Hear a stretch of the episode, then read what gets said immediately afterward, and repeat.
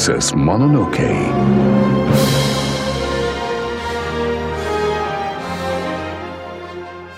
Hallo en welkom bij Julius versus Jasper, de podcast waarbij we elke aflevering weer twee genrefilms tegenover elkaar zetten en achteraf bepalen welke mag blijven en welke weg moet, omdat we die keuze nou eenmaal krijgen.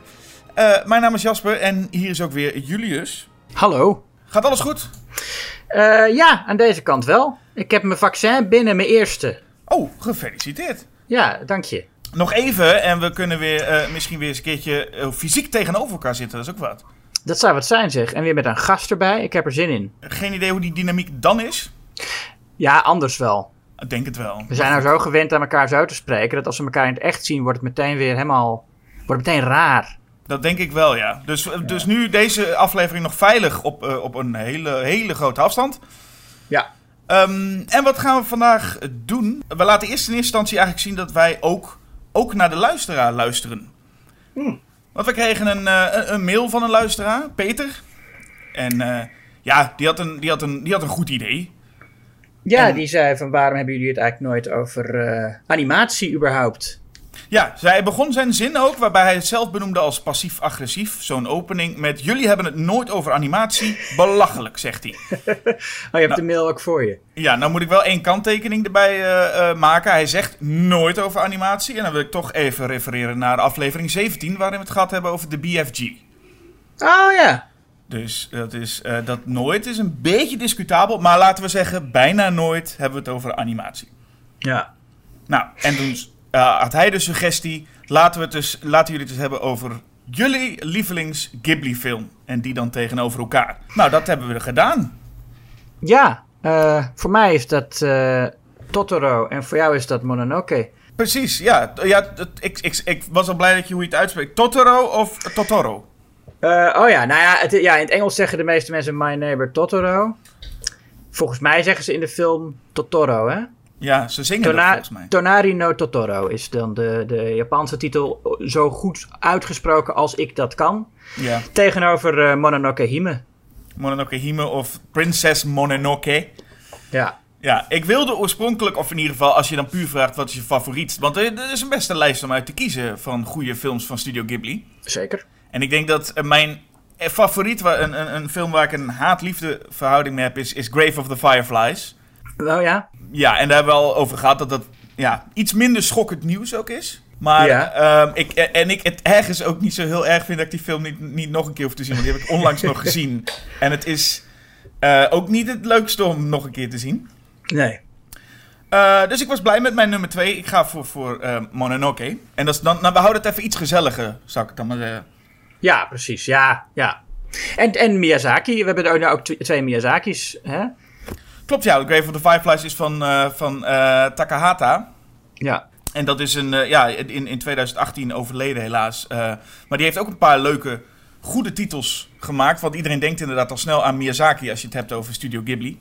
Niet eens alleen over Miyazaki Hayao, maar ook over zijn zoon, die inmiddels ook wat aan het regisseren is. Ja. Maar goed, we, we- gaan het inderdaad over twee Miyazaki's hebben. En we beginnen bij, uiteraard, de film die eigenlijk gelijk tijdig uitkwam met Grave of the Fireflies. Totoro. Ja, en ook ja, een beetje een soort eh, eh, tegenpol van eh, Grave of the Fireflies. Een ontzettend vrolijke film waar nauwelijks echt groot conflict in zit. Al zullen de, de, de hoofdpersonen dat natuurlijk anders zien, maar als je het vergelijkt met de gemiddelde kinderfantasiefilm, gebeurt er eigenlijk eh, bijna niks. Het valt ook eigenlijk wel op, hè, dat als je deze film bekijkt, dat heel veel dingen ontbreken die je normaal gesproken in een traditionele film zou verwachten, zoals een slechterik. Ja, het is wat dat betreft, Miyazaki wordt vaak de Japanse Disney genoemd. En dat is tot op zekere hoogte begrijpelijk, want het, hij, ja, hij is ook een beroemde eh, eh, animator. Of, nou, dat is trouwens het eerste wat, wat, wat de vergelijking onterecht maakt, is dat Miyazaki ook echt zelf eh, animeert. Hij, hij werkt zelf gewoon aan, aan die films eh, en, en, en eh, tekent die cellen. Wat Disney eigenlijk niet deed bij zijn films. Hij was gewoon een producent. Ehm, maar, wat, maar wat de vergelijking natuurlijk wel terecht maakt, is dat Miyazaki, ja, de enorme industrie om hem heen. En, en Totoro is ook een beetje zijn Mickey Mouse in, in Japan. Ja, want Totoro werd ook het gezicht van de studio. Ja. Ja, en ik denk ook dat hij veel oprechter geliefd is dan Mickey Mouse. Want Mickey Mouse, dat is dan wel ja, het symbool van Disney, maar wie vindt Mickey Mouse nou leuk? Nee, er is niemand die Mickey Mouse als favoriet personage uh, aanwijst, lijkt mij. Nee, terwijl Totoro natuurlijk. Uh, uh, dus daar heeft Miyazaki in elk geval een steentje, een, een, een, een steentje voor. Zeg je dat zo? Een steentje voor op Disney? Een steentje voor. Volgens mij, dat zeg je niet, maar je mag het zeggen, vind ik. wat, wat denk ik dan? Een streepje voor. Een streepje voor. Godsamme, ik, waarom, ik, ik, het, is, het is echt te vroeg om deze podcast op te nemen. Maar, oh ja, maar, wat ook is, en, en, en, dat is ook iets wat, Kijk, Disney is natuurlijk heel traditioneel qua uh, uh, verhalen vertellen. En zeker in die tijd was dat nog echt met, met, met, inderdaad met helden en schurken. En dat is uh, bij Miyazaki, nou de helden zijn er vaak wel, maar schurken zijn inderdaad vaak of afwezig of blijken uiteindelijk toch wel oké te zijn. Dat zullen we in Mononoke natuurlijk ook uh, uh, gaan zien. Maar dat zit in, in bijna al zijn films. Zijn ook de, de veroorzakers van het conflict eigenlijk gewoon goede mensen. En dat is trouwens iets wat je nu bij Disney ziet. Ik denk dat Disney daarin enorm door Miyazaki beïnvloed is. En Pixar ook trouwens. Dat daar nu ook uh, de schurken eigenlijk afwezig zijn. Of dat het ook eigenlijk wel goede mensen zijn. Ja, want dat is eigenlijk het verschil tussen Totoro en Mononoke. In Mononoke zitten wel schurken, maar anders of genuanceerder. En in, maar ik, ik zou zeggen, in, in Totoro ontbreken ze gewoon. Eigenlijk, er is geen schurk. Nee. Het leven is misschien een schurk. het leven. Ja, maar ook dat niet eens. Want het leven is uiteindelijk ook best leuk als je maar uh, Totoro ontmoet. Ja, dat is waar. Hoewel ik de hele tijd, deze hele film lang, omdat ik dus Grave of the Fireflies nog niet zo lang geleden heb gezien, ik de hele tijd met die film in mijn hoofd zat naar deze film te kijken. en ik had mijn, mijn vriendin had een tijd geleden dus ook voor het eerst Grave of the Fireflies gezien. En ik zat deze film te kijken en zij kwam binnen, zij zag dit en ze zei, oh, gaan die, uh, ze zag die meisjes rennen. Ze zei, oh, gaan die allemaal weer dood? dat gevoel heb je dan. Alleen ze had ook het, de opening van de film eigenlijk gemist, hè. En dan zie je wel zo'n heel kinderlijk, vrolijk liedje. Ja. Dus dan, dan, dan weet je wel, en nog steeds hoor, denk je van, ja, jullie, jullie, ik, ik vertrouw die klootzakken van geen meter, dacht ik nog wel. maar het is een heel vrolijk, vrolijk deuntje en we zien, ja, dit wordt, dit wordt gewoon gezellig. Ja, maar goed, het wordt, het wordt op een gegeven moment wel uh, een beetje duister op een, op een realistische manier. Als, uh, als mij uh, vermist raakt en dat slippertje gevonden wordt. Ja.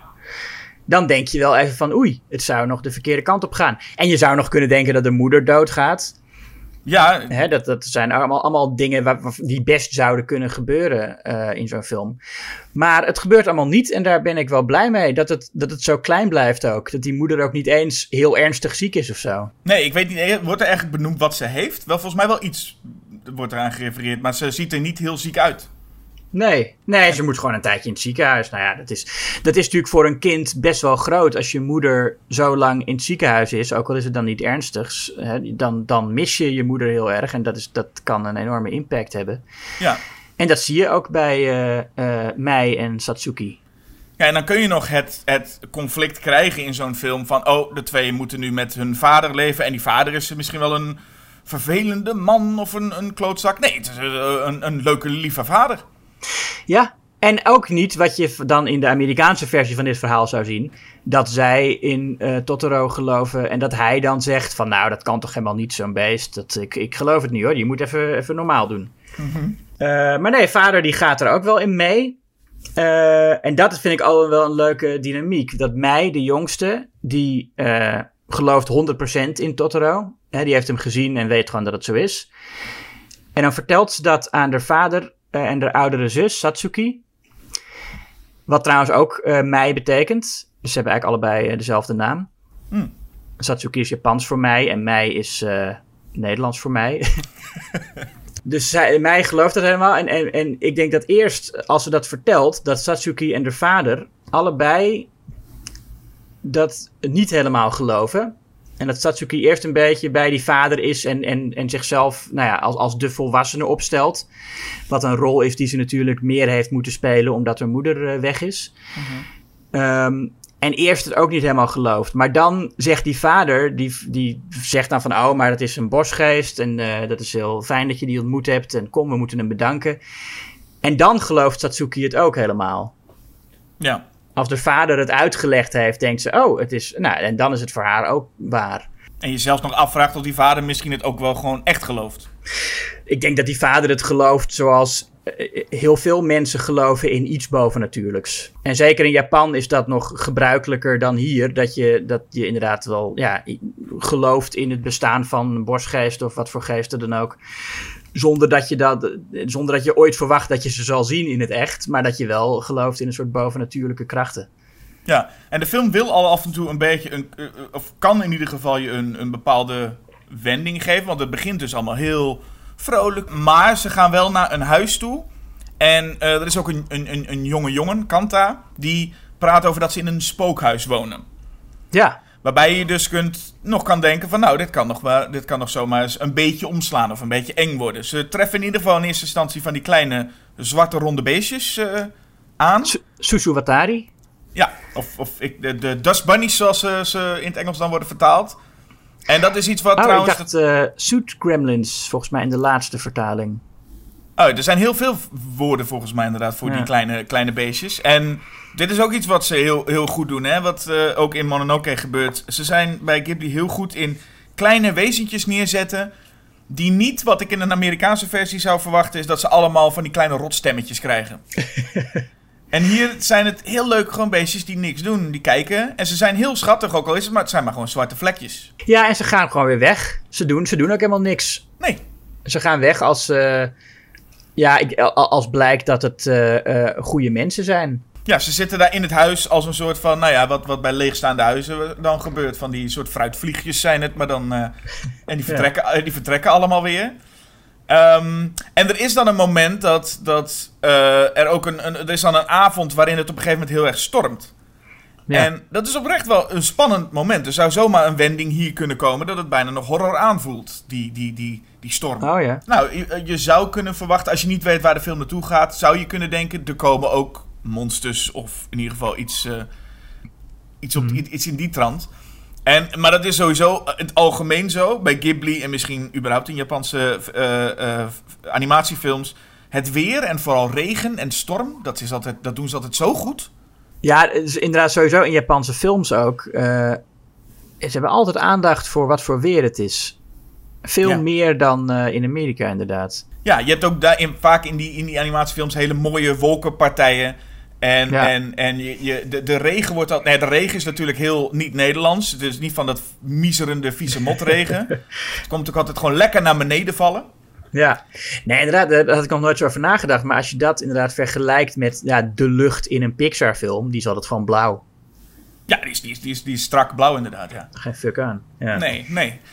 Nee, en het, het, voelt altijd iets meer ook uh, Nederlands, heb ik het gevoel. Die wolken, wolkenpartijen. Dat voelt iets meer als van, oh, dit herken ik misschien een beetje.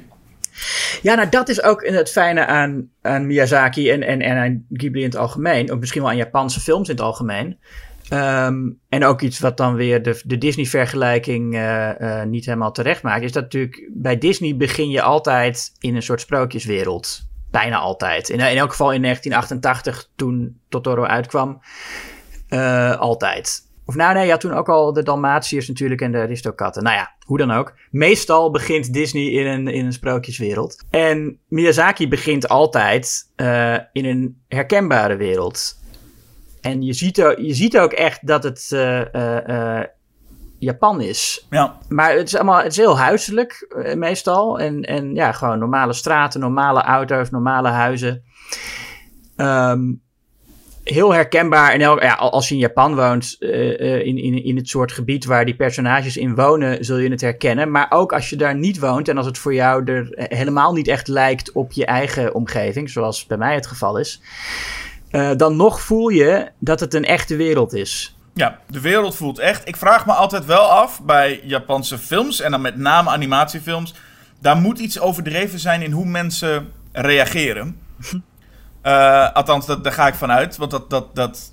Of mensen in Japan allemaal wel echt zoveel schreeuwen. Nou ja, ja, dat is toch, lijkt me ook een beetje een conventie van de animatiefilm. Dat de emoties lichtelijk overdreven zijn. Ja, in dit geval, nou lichtelijk, ja, het is een... eh, een, een, een, een- ik, ik bedoel, het, het- ik vind het allemaal heel mooi, maar ik, ik had af en toe wel een klein beetje bij, vooral mij, het is een schattig klein meisje. En ik weet dat, dat als kleine meisjes zo aan het rondrennen zijn, dan kunnen ze nog wel eens wat gillen of schreeuwen. Hier Ja. dacht ik af en toe wel een beetje, nou, iets, iets minder mag ook wel. Ga je af en toe even zitten of zo. Oh? Nee, het is een expressie van haar, haar, haar kindervreugd.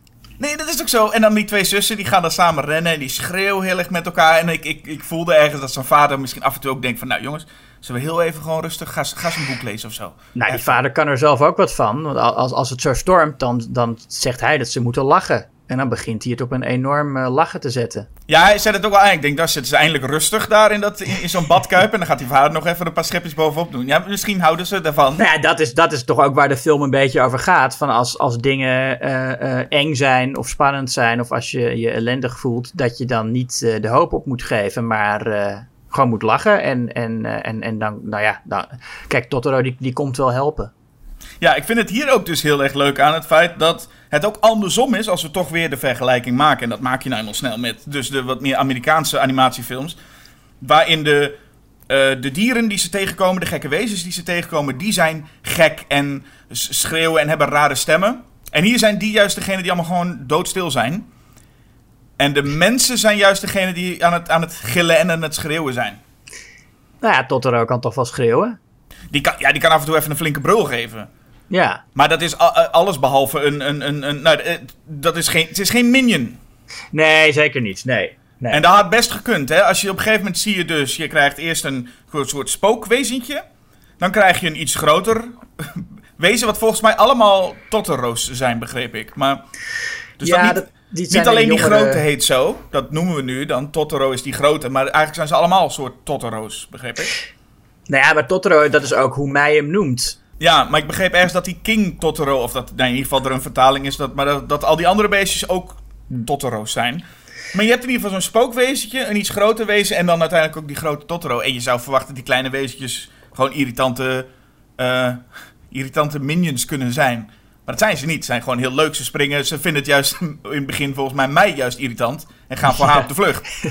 Ja. Nou, en maar zo ontmoet mij inderdaad eh, eh, ja, de Totoro. Maar zij, zij geeft die naam Totoro omdat ze hem ja, een geluid hoort maken dat zij zo interpreteert. En hij zal dan King Totoro genoemd worden omdat de vader later zegt dat het eh, de koning van het bos zal zijn. Ja. Maar ja, ik, of dat nou allemaal echt zo is in die film blijkt dat natuurlijk helemaal niet wat voor wezen dat is. Eh, eh, en, en, eh, en die mythologie die hebben zij eromheen bedacht en die naam hebben zij hem gegeven. Ja, maar zij zegt ook gewoon, zij zegt van, het is, ik heb een Totoro gezien. En dan reageren die zusje en vader ook niet helemaal niet met, wat, wat, wat zeg je nou voor woord? Maar het is gewoon meer, Ja. wat, een Totoro? Oh, je hebt een Totoro gezien. Die nemen dat gewoon over dan. Ja, nee, het is wel fijn hoe snel dat geaccepteerd wordt. Ja. En, en, en mij accepteert het ook allemaal. Het is een beetje, het- deed mij, de film deed me heel erg denken aan Alice in Wonderland. Ja. En dat heeft ook wel een beetje te maken met, al in de openingsscène zie je die, zo'n kat, zo'n hele grote grijns. Ja. Ja. dat, dat heeft wat Alice in Wonderland eh gedachten. Maar May is niet... En, en, en de konijntjes die mij naar het wezen leiden. Oh ja, en de konijntjes inderdaad. Nou, konijnen, dat zijn dus kleine totoro's, maar ze lijken op konijnen. Nou ja, in, in, waar, je, waar volgens mij Alice in Wonderland, als ik me niet vergis, in een wereld komt met allemaal heel veel hyperactieve wezens, ligt hier één wezen gewoon lekker te slapen. En mij hoeft er, die, die, die, die hoeft er helemaal niet aan te wennen. Die flikkert bovenop dat wezen. En je, en je voelt ook gewoon meteen, oh, dat, zou, dat moet echt heerlijk liggen volgens mij als je bovenop zo'n Totoro ligt, toch? Ja, ja. Ja, daar zou je wel een dutje kunnen doen. Ja, nee, zij is, zij is eh, niet bang. Ze schreeuwt terug als Totoro eh, naar haar brult. En eh, ze vinden het allebei alleen maar leuk. Wat ook wel, ja, dat, dat is ook een beetje wat haar vader haar geleerd heeft in die storm natuurlijk. Ja, dat en- lachen en schreeuwen als iets spannend is. Ja, en haar vader gaat haar ook leren hem. eh, Die, die, die, die vertelt haar dan op een gegeven moment ook het verhaal over dat de boom en de mens ooit eh, vrienden waren. En dat sowieso iets natuur is natuurlijk een heel belangrijk thema. Nou, dat krijgen we in Mononoke nog wel me- veel meer. Eh, natuur is een belangrijk thema in, in Ghibli-films. Ja, en zeker bij Miyazaki. Nou, en een van de mooiste scènes is ook denk ik wel toch de scène die ook ja, op de poster staat. Bij de bus. Bij de bus. Ja, het wachten op de bus. Ja, dat is, dat- ja, dat is iets wat je nu ook niet meer zou kunnen doen natuurlijk. Nu eh, eh, eh, kinderen mobieltjes hebben. Ehm, dat je gewoon heel lang op een ouder staat te wachten en niet weet wanneer die komt. Dat was, vroeger was dat normaal, Jasper. in, uh, in mijn jeugd in de jaren negentig heb ik ook wel eens gehad dat, dat mijn ouders weg waren en dat ze veel te laat waren en dat ik uh, bang en verdrietig werd en dat er gewoon geen manier was om ze te, te bellen. Hmm. Dat is toch wat? En dan sta je dan bij de bus. Ja, daar sta je nou, niet bij de bus in dit geval, maar goed, maar toch, ja. Nee. Uh, daar sta je te wachten. Maar ik vind het ook zo mooi. Het is ook niet alsof de twee zusjes met een soort paniek, waar is vader en wat dan. Maar ze gaan juist naartoe, want ja, oh, vader heeft zijn paraplu niet bij zich. Laten we hem opwachten. Ja. Dat, is, dat is zoiets liefs ook om te doen. Ja, ja. En, en dan staan ze daar te wachten inderdaad. En, en May wordt logisch uh, moe. En, en dan ineens staat daar Totoro. Ja. Ja, en dat is een, een, prachtige scène hoe hij daar staat met zo'n, met zo'n, zo'n blad op zijn, uh, op zijn kop. ja. En dan, en, dan, en dan krijgt hij een lesje hoe je een paraplu moet gebruiken. Ja. En het is, het is allemaal zo mooi. En dan, en dan, ja, dan komt daar ineens de, de, de, de katbus aanrijden. Ja, dat vind ik ook een van de fijnste creaties van Miyazaki. Nou ja, dat, dat is natuurlijk, iedereen vindt dat. Maar die zou heel eng moeten zijn, die kattenbus, toch? Voor wie? Ik bedoel, niet, niet, niet dat dat de bedoeling was, maar je zou kunnen denken dat zo'n grote grijnzende kat een soort monster zou zijn. Ook zeker in, in, de, in de slotscène hoe die zo achter die twee kinderen zit met die brede grijns. Je zou denken dat dat uh, angstaanjagend is, maar dat is het niet. Nee, maar dat zou ik ook denken bij als jij. Op, uh, ik bedoel, dit kan een horror scenario zijn. Jij staat met als kind in, in de regen in een bos met je paraplu. En je ziet puur van onder je paraplu zie je net een heel groot wezen met grote klauwen naast je komen staan. Ja. Um, vind ik ook al redelijk angstaanjagend. Ja, nee, zo is het. Uh, die klauwen van Totoro, dat is ook gaaf trouwens. Hè? Die klauwen die hij dan zo ook, uh, als hij mee net ontmoet, zo een beetje om haar heen slaat. Mm -hmm. Dat dat nog, dat, ik, ik denk dat je ook uh, en we moeten niet te veel met westerse animatie vergelijken. Maar ik, ik denk dat een, een westerse animator hem niet zulke klauwen had gegeven. Zo dierlijk. Maar het is sowieso omdat ik deze film voor de tweede keer volgens mij zag. Dus ik wist het. En je weet inmiddels dat Totoro een een leuk, lief personage is. Maar uh, ook al hebben we die scène gezien met May die boven op zijn buik ligt. Je, mhm. het, het, blijft een beetje de vraag wat hij nou is. Het is niet heel duidelijk nog. Is hij uh, goed of is hij misschien toch wel slecht? Of moet je hem niet kwaad maken? Weet ik veel. Dus als op het moment dat hij naast uh, het zusje staat, Satsuki vind ik nog steeds, hangt er nog wat mysterie om hem heen. Dus niet dat je meteen door hebt van, oh, nou wordt het alleen maar leuk. En ook als die katbus aankomt, het blijft nog wat mysterieus met welke kant gaat dit mogelijk op. Als je dit, zeker als kind, voor de eerste keer ziet. Je hebt ook sowieso het gevoel van, ja, alles kan hierna gewoon gaan gebeuren. Er is, het is niet alsof je nou denkt, oh, hier werken we naartoe. Ja, nee, dat is het fijne van een, een film die qua plot zo vrij en, en los is. Uh, hè, het, het, het, voelt echt, het is een beetje een slice of life. En je hebt het al vrij snel door dit is een, een kabbelfilm. Ja, en, en, en er gebeuren. Uh, nou ja, het, is, het is een vergelijking die ik maak met, met uh, dezelfde ervaring in ieder geval. Dat als ik een David Lynch film kijk. Met. Uh, de sfeer is goed, de toon is goed, je, dat is allemaal prima. Maar er gebeuren gewoon dingen. En daar ga je gewoon in mee. Maar je gaat er niet heel. Ik bedoel, op een gegeven moment gaan ze zaadjes planten. Dan komt er een, een, een dans van Totoro. Waar een gigantische boom uitkomt. Daar vliegen ze een stukje op een tol. En dan gaan ze in een, in een boom zitten een fluit spelen. Ja. ja dat, dat, dat gebeurt. En, dan, en ik zit er naar te kijken en denk, ja, ja, dat lijkt me wel. Toch? ja, ja, nou ja maar, dat, en, maar dat is ook. En ondertussen zit die vader vlakbij uh, in zijn studeerkamer. Mm En je ziet hem ook op de achtergrond. Terwijl die boom groeit, zie je zo heel klein op de achtergrond die vader gewoon zitten te werken. Het is, het is een, een, een subtiel detail, maar het is wel van hij, hij is daar gewoon. En later zie je hem ook nog. Uh, uh, omkijken dat hij wel iets hoort of zo. Maar ja, als er zo'n enorme boom naast je huis groeit, dan merk je dat volgens mij wel. Dan hoor je niet gewoon alleen maar een geluidje. Dus je hebt daar meteen de vraag van: oké, is die boom nou echt aan het groeien? Of is dat iets wat alleen de kinderen uh, kunnen zien? Dat, iets wat echt gebeurt, maar wat alleen zij kunnen zien? Of iets wat niet gebeurt en wat ze zich uh, voorstellen? Mhm. Dat kan allemaal. Die film geeft daar geen definitief antwoord op. Het is alleen dat de volgende dag is de boom wel weg. Maar zijn de zaadjes die ze hebben gekregen wel uh, een, een, beetje tot bloei gekomen? Dus dan staan er een paar kleine takjes, dus dan, eh, of kleine boompjes. En die zaadjes die hebben ze van Totoro gekregen. Dus nou, dat, dat, het, het, het, het klopt wel dat binnen de film hij echt bestaat. Maar ik denk dan dat de vader misschien allemaal niet zo meekrijgt. Dat hij het niet allemaal zo kan zien als het is. Nee, en ik ben inderdaad ook echt blij dat de film daar niet te veel op focust. Met dat we heel erg de vraag van de film wordt: is het wel of niet echt? Dat ik, dat, ik merk ook echt dat me dat ook geen hol interesseert.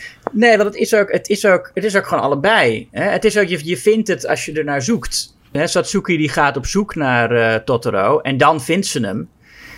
Um, en mensen die hem niet zoeken, die vinden hem niet. Nee, en je hebt ook het gevoel dat als die vader naar buiten stapt en hij ziet dat zijn twee kinderen met een heel groot monster uh, fluit zitten te spelen boven een boom, dat die vader ook zoiets heeft van: oh ja, leuk. ik, ga ja. er even, ik ga er even bij zitten. Ja.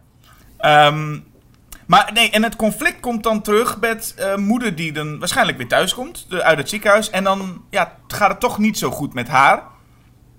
En dat ja. is natuurlijk iets voor die, voor die twee meisjes uh, vrij heftig. Hoe reageer je daarop als je echt verwacht, moeder komt weer terug, het gezin is weer compleet. Maar uh, dat gaat toch even niet door. en dat is het moment dat May ook verdwijnt. Ja. En, en dit zijn momenten waar inderdaad, uh, want ik was er helemaal mee aan het gaan in die hele koudbus en uh, gezellig fluitblazen met, uh, in een boom. maar toen kwam even dat Grave of the Fireflies gevoel weer terug. Dat ik denk, moeder gaat waarschijnlijk dood, toch? En, en ja. dan vinden ze een sandaaltje, wat je zegt, terug in die vijver. En dan denk ik, oh, misschien gaat May wel dood. Ik, ik was hier volledig op mijn hoede met wat gaat hier gebeuren. Ja, er zijn zelfs mensen die zeggen dat eigenlijk dat die slipper betekent dat May al dood is. En uh, de rest van de film is, is in de hemel of wat dan ook. Wat ja, ik, ik niet geloof. Dat is gewoon een soort. Dat zijn ja van die mensen die altijd willen geloven dat het einde van een film een, een droom is terwijl de hoofdpersoon doodgaat. Weet je, je hebt een paar films waarin dat zo is. Maar er zijn mensen die dat echt op elke film uh, uh, projecteren. Ja, maar hier heeft, hier heeft Miyazaki, of in ieder geval Ghibli, dan het zelf ook een beetje naar gemaakt. Ja, door, door met, dat, met dat, Grave of the Fireflies in hetzelfde jaar bedoel je? Ja, dat ik, dat ja. ik ergens wel denk van het zou best wel kunnen dat zij ineens zo'n volwassen element eraan toevoegen. Want ik dacht nog, misschien ligt moeder helemaal niet in het ziekenhuis. Heeft ze nooit het ziekenhuis meer gelegen. Maar is ze al dood, überhaupt? Mm. En is dit een soort verwerkingsproces? Nou ja, dat zijn allemaal dingen die je kunt gaan nadenken. Van, hé, hey, een meisje kan niet met, met de dood van haar moeder omgaan... en verzint vervolgens allemaal wezens en katbussen erbij. Ja. Dat zou ik kunnen. Ik vind het niet een interessante. Ik vind het interessante dat het er gewoon is. En zoals de personages hier ermee mee omgaan. Het is er. Leuk. Ja, en je hebt ook niet, helemaal niet nodig dat die moeder dood is. Want ja, het is gewoon, ze is, ze is een, een paar weken weg. Maar voor een kind is dat al heel lang. En dan verandert ook echt die dynamiek. En, en krijgt Satsuki opeens de verantwoordelijkheid dat zij een soort moeder moet worden. Ja. Dat vind ik ook zo mooi in die scène dat, dat Satsuki op school zit. En dat mij bij haar wil zijn. Ja. En dat, dat oma er komt uh, brengen. En uh, het zijn dat soort kleine uh, subtiliteiten. We hebben het nou heel vaak gehad over wat de film allemaal niet is in vergelijking met Disney-films. Mm-hmm. Maar wat het wel is, is een film met heel mooie, subtiele aandacht voor hoe mensen zich echt gedragen. En dat, dat, dat mij op een gegeven moment aan haar vader vraagt of ze er volwassen uitziet met haar schepje. Mm-hmm. En dat ze, dat ze bij Satsuki wil zijn. En, en, en hoe ze die mais ook plukt voor haar moeder. Dat zijn zulke mooie kleine details. En dat maakt het, het, voelt daardoor ook zo echt. Ja, maar het, is ook, het komt ook door de film dat we erover na gaan denken. Ik bedoel, de film geeft het. Ja, maar het is niet erg dat we erover nadenken of dat we zeggen het zou maar zo kunnen. Ik bedoel, er is, er is niemand die Toy Story kijkt en denkt van, oh, eigenlijk gaat het misschien wel over een jongen die zijn. Uh, die, die zijn ouders kwijt is en nu bedenkt dat ze ja. poppen. Nee, dat, dat is gewoon dat, is wat, dat het is wat het is. En misschien is dat bij My Night Neighbor Totoro, en dat vind ik zelf, prettig. Is het gewoon ook wat je ziet, wat je krijgt. Je hoeft er niet per se bij na te denken. Maar het ja. kan wel. En dat is omdat hoe de film in elkaar zit. Ja, nee, het is een, een ode aan hoe kinderen nog kunnen denken. Kinderen ja. hebben helemaal geen moeite om, om te geloven dat iets zo is en tegelijkertijd niet zo is. Nee. Als je als kind uh, uh, uh, ziet dat Sinterklaas een neppaard draagt. Als je bij hem op schoot zit en je ziet de touwtjes van de baard om zijn oren of zo. Accepteer je dat ook gewoon als je jong genoeg bent. Ja.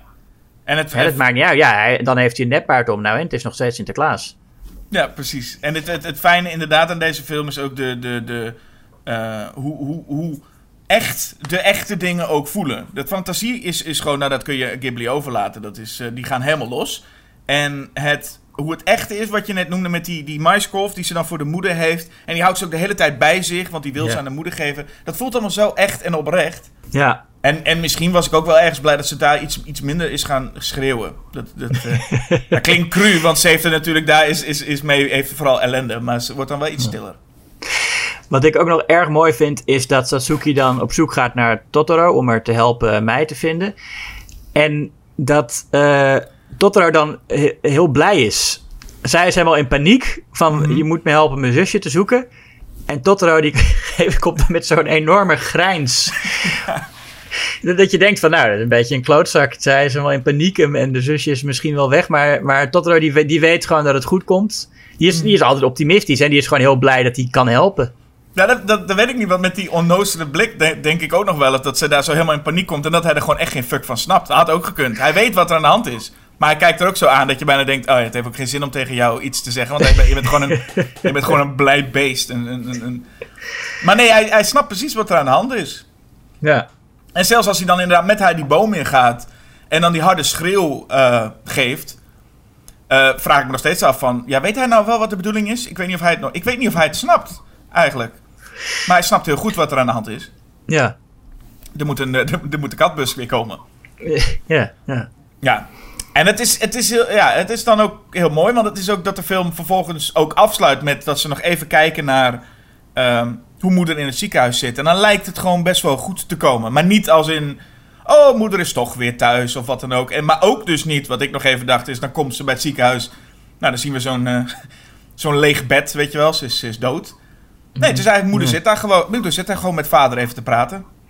Ja, en het valt allemaal wel mee. Het is, ja, het valt dan. Ze moet wel even blijven. Maar dat is het een beetje, die nuance daar middenin. Of het gaat heel slecht, of het, er is niks aan de hand. Maar nee, het is gewoon. Nee, het is. Het is, het is ja, ze moet nog wel even blijven, maar verder is het helemaal prima. Ja, nou, dat is, dat is een, een, ja, e- een van eh, Miyazaki's films waar er eigenlijk eh, eh, weinig tot, eh, tot geen conflict is. Kiki's Delivery Service is er ook zo een, hè, waar het, het conflict eigenlijk maar heel klein is. En die, een film die vooral een beetje voortkabbelt. Eh, maar de andere kant van Miyazaki, dat is eh, waar we nu dan waarschijnlijk eh, komen met Mononoke Hime. Ja, dan is er wel wat meer aan de hand, zeg. Ja, zo. Wat verdorie. We springen inderdaad eventjes bijna tien jaar in de toekomst. In de jaren negentig zijn we. En dan, en dan krijg je inderdaad een film die, nou, wel een, een, een heel stuk groter is, sowieso. In, in alle opzichten. Ja, eh, ja. Nou, Miyazaki had al wel natuurlijk epische films gemaakt met Nausicaa en eh, eh, eh, Castle in the Sky. Maar dit is denk ik wel zijn meest epische avontuur. Ja, en dat blijkt al meteen uit een soort gi- gigantische spectaculaire opening. Over, van een, een, een zwijn dat onder de wormen zit en daardoor een soort god-demon is geworden. En, en, en onze hoofdpersonage, Ashitaka, aanvalt. Ja, En eh, ja, ik, ik- weet nog deze film lang geleden gezien, maar er waren, zijn altijd een paar elementen. En dat was bij Totoro trouwens ook zo. Er zijn, ik, ik onthoud nooit echt die hele film, maar ik onthoud altijd elementen. Hm. En eh, ja, dat is, dat is eigenlijk wat hier. Dit, dit stuk ont, onthield ik altijd meteen. Gewoon, je, je ziet een mooie omgeving en ineens, bam, daar is een of ander bijzonder wezen waar dan een zwijn onder zit. ja, En eh Ashitaka, onze hoofdrolspeler, de prins, wordt bij zijn arm gegrepen. Nou ja, en dat is een infectie die zal groeien. En dan moet hij zijn stam verlaten. En dat is eigenlijk waar de film gewoon maar eh, eh, nou, de opzet geeft. Het is, het, ik moest vaak ook denken aan Lord of the Rings. In dit geval. Er zitten Ja. veel elementen in die... En dit is eigenlijk gewoon de opzet. Jij moet, eh, nou ja, deze stam verlaten. En op een soort zoektocht gaan. Hoe krijg ik... eh, die infectie, eh, ja, want die zal hem uiteindelijk doden. ja, en hij moet uitzoeken wat er aan de hand is natuurlijk. Het is niet alleen dat hij die infectie moet oplossen. Er is, er is meer aan de hand. Het is een soort eh, industriële revolutie gaande. Ja, en het is inderdaad, hij ziet ook dat die, die, dat zwijn is ook een, daar hebben we wel te maken met pratende dieren, maar heel anders dan je ook zou verwachten. Hè? De pratende dieren hier zijn niet gezellig pratende dieren. Hun, hun, hun lippen bewegen ook niet echt op wat ze zeggen. Die gaan een, klappen een beetje op en neer en er komt een soort van hele duistere stem uit. Of een serieuze stem vooral, bij elk wezen. Heb jij ze trouwens... eh, eh, kijk jij ze altijd in het Japans? Ik, kijk, ik merk dat ik altijd net doe waar ik op dat moment zin in heb. Dus soms Ja. kijk ik het origineel Of gewoon de Ja- Japans dan inderdaad. En soms eh, ge- gebruik ik ook wel eens de Engelse. Toevallig in dit geval heb ik bij Tot- Totoro heb ik de Engels of de Japanse gezien. En bij Mononoke heb ik de Engelse gezien. Oh, grappig. Ik ook. Oh, Ja, dit keer wel. Ja, ik, ik, ik, ik kijk ze altijd eerst in het Japans. Maar als ik ze dan nog een keer wil zien, ik denk ook vaak... Ik, ik wil me niet te veel te ho- hoeven con- concentreren op de onder, ondertiteling. Dus het is ook wel eh, fijn om ze in het Engels te kijken. Ik ben niet echt een, een purist wat dat betreft. Of zelfs in het Nederlands, want die, de Nederlandse stemmen zijn eh, eh, nu ook gewoon prima. Zeker bij, bij Totoro. oh dan Mono- vroeg ik me af of die er überhaupt waren. de- of de Nederlandse stemmen van waren. Ja, zeker. Ja, en, en dat is prima hoor. Dat is helemaal, ik heb een stukje van Totoro in het Nederlands gezien. Eh, omdat ik, ik ben altijd wel benieuwd hoe ze dan bepaalde dingen vertalen. Dus ik heb een paar scènes eh, in het Nederlands gekeken. En dat is heel goed. En die stemmen zijn ook prima. Mononoke is dan wel is, is raar om in het Nederlands te kijken. Omdat dat een film voor een ouder publiek is. Waarvan je denkt, ja... Nederlands dubben, dat is toch meer iets voor, voor kinderen. Ja, ik denk dat ik een beetje dezelfde beweegreden had. Want in dit geval is het zo dat ik heb Mononoke destijds gezien in de originele taal. Maar het is wel een film waar je een beetje moet opletten. En er wordt veel gepraat, er wordt veel verteld. En dan is Ja. het wel fijn om een beetje te kunnen... En sowieso bij Ghibli-films, je wil ook naar het plaatje kijken. En dan is het zonde om zoveel naar die ondertiteling te moeten kijken. Ja, precies. En het is, de Engelse versie is ook een, een script van eh, Neil Gaiman. Eh, wat, dus dat is ook wel een reden om eh, die versie in elk geval een keer te kijken. Maar het is eigenlijk raar hè, dat ik dan de Nederlandse versie met, met, met kinderachtigheid associeer. Terwijl, ja, dat is gewoon mijn moedertaal. En als ik hem in een taal zou kijken die ik begrijp, waarom zou ik dan de voorkeur geven aan Engels boven Nederlands? Ik weet niet wat, dat zou net inderdaad die associatie zijn. Wat, heb, wat denk je bij Nederlands of wat denk je bij Engels? Meestal is het gewoon, welke is beter? En ik denk, bedoel, er zijn genoeg, eh, vooral series waarvan ik weet, waarvan ik de Nederlandse beter vind dan de Engelse. Ja? Ik ben bijvoorbeeld met de Lion King, ik noem maar even een voorbeeld hoor, daar ben ik nooit mee opgegroeid. Maar ik kan me best voorstellen dat je denkt, ik vind de Nederlandse stemmen daarin heel goed. Ja. En die geef ik de voorkeur. Ja, en in, in Disney's Robin Hood zijn de Nederlandse stemmen ook eh, eh, eh, erg goed. In, in het Engels ook trouwens hoor. Maar ik kan me goed voorstellen dat je de voorkeur geeft aan de Nederlandse met Paul Hane als Graaf Slis. Ja, Ja. er zijn daarin gewoon, heel, er, ja, er zijn gewoon, Nederland kent wat dat betreft hele goede stemacteurs en stemregisseurs. En met name eh, eh, dat, eh, eh, Arnold Gelderman geloof ik is het? Ja, nee, Arnold Gelderman die inderdaad eh, ehm, zowel de GVR inspreekt als Robin Hood. In Ja. Disney's Robin Hood. Waar, dat, dat zijn al twee totaal verschillende stemmen. En volgens mij doet hij ook nog Scar Klopt inderdaad, ja. Dus, da- dus En, dat en echt, regisseert dus heel veel. En ik weet gewoon dat hij ook een goed oor heeft voor, voor talent. En voor, dus ik, dat vind ik, eh, eh, dat doen ze altijd wel goed. Het wordt vaak een beetje gezien als, als het Nederlands is. Ah ja, dat is, dat is inderdaad kinderlijk. Of dat, nee, ik moet er niks van hebben. Maar dat, dat is helemaal nog niet zo gek hoor. Nee, nee, maar ik geloof niet dat Arnold Gelderman betrokken is bij de eh, Ghibli-vertalingen trouwens. Ehm, maar die vind ik eigenlijk ook, wat ik ervan gehoord heb, vond ik die prima. Nou, wat ik hieraan vooral prettig vind. Kijk, het, het, het, de stemacteur. Slecht voorbeeld. Het feit dat vaak sterren worden ingevlogen om het te doen. Ja. En dat vind ik heel vervelend. Ik vind namelijk dat ze ook goede stemacteurs zijn. Ja. Ehm, en hier heb ik dat een beetje. Maar dat komt gewoon. Het heeft niet eens te maken met hoe ze doen. Maar ik heb hier de hele tijd denk ik. Oh, ik hoor, ik hoor wel verschillende stemmen die passen wel een beetje. Of klinken wel oké. Ook al zijn het best wel grote namen. In het geval van Mononoke. Maar Ja. alleen Billy Bob Thornton. Die kan ik gewoon niet. Ja, die kun je gewoon niet loskoppelen. Of zo. Nee, dat is ook de meest storende inderdaad. Billy Bob Thornton, die, ehm, hoe heet die monnik? Eh eh Gico, hoe heet die nou? Oh ja, ja Gicobo. Chico oké. Ja, dat, die, die stem, daar kan ik, kon ik er ook niet aan wennen inderdaad. Die past ook niet zo goed bij, eh, bij, bij het figuurtje. Nee, want hij is juist zo'n zo'n dikke evil eh, monnik dan. Of evil, maar het is in ieder geval een beetje een gluiperd. En ik weet niet, Billy Bob Thornton klinkt ook gewoon als Billy Bob Thornton. Ja. En dat hebben bij die andere de mensen, ik bedoel, er zitten wel, wel acteurs in die eh, bekend zijn. Maar niet zodanig dat hun stem echt afleidt. Nee.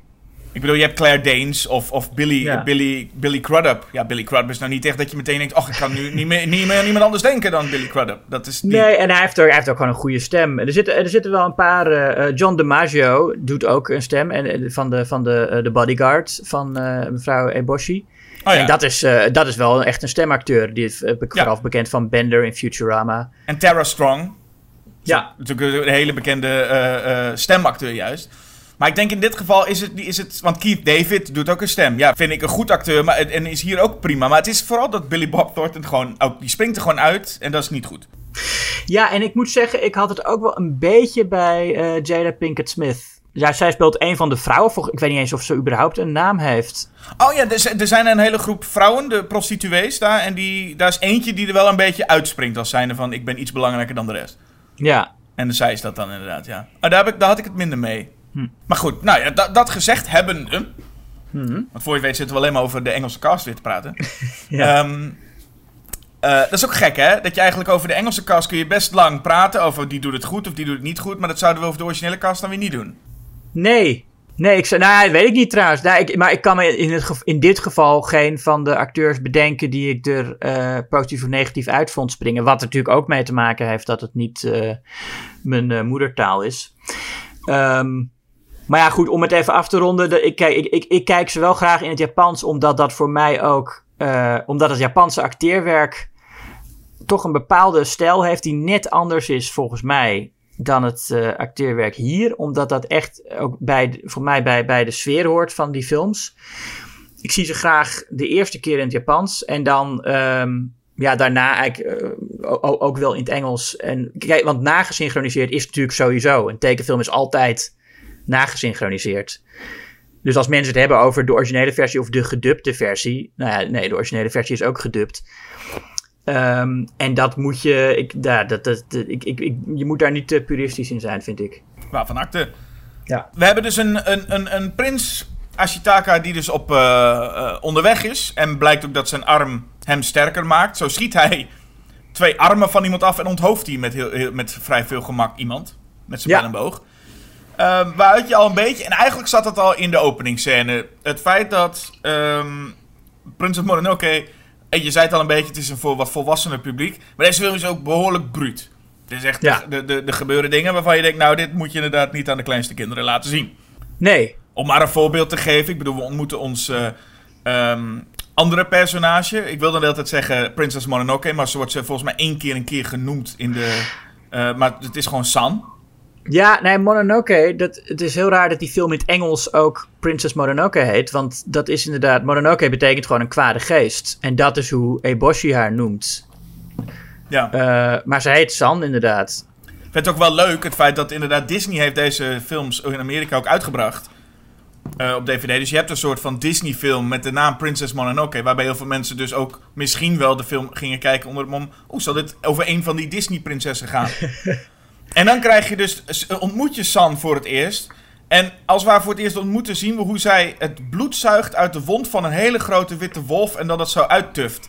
Ja. Ik denk, dat is nog eens een entree. Dat, is, dat zie ik een van die andere Disney-prinsessen ook niet doen hoor. Nee. En ook hier komen we weer, net als die waar we het al over hadden, die uh, in, in, in, in Totoro waren het die kleine wezentjes, hè, de Susuwatari. En hier heb je ook van die kleine leuke, de Kodoma, of Kodama.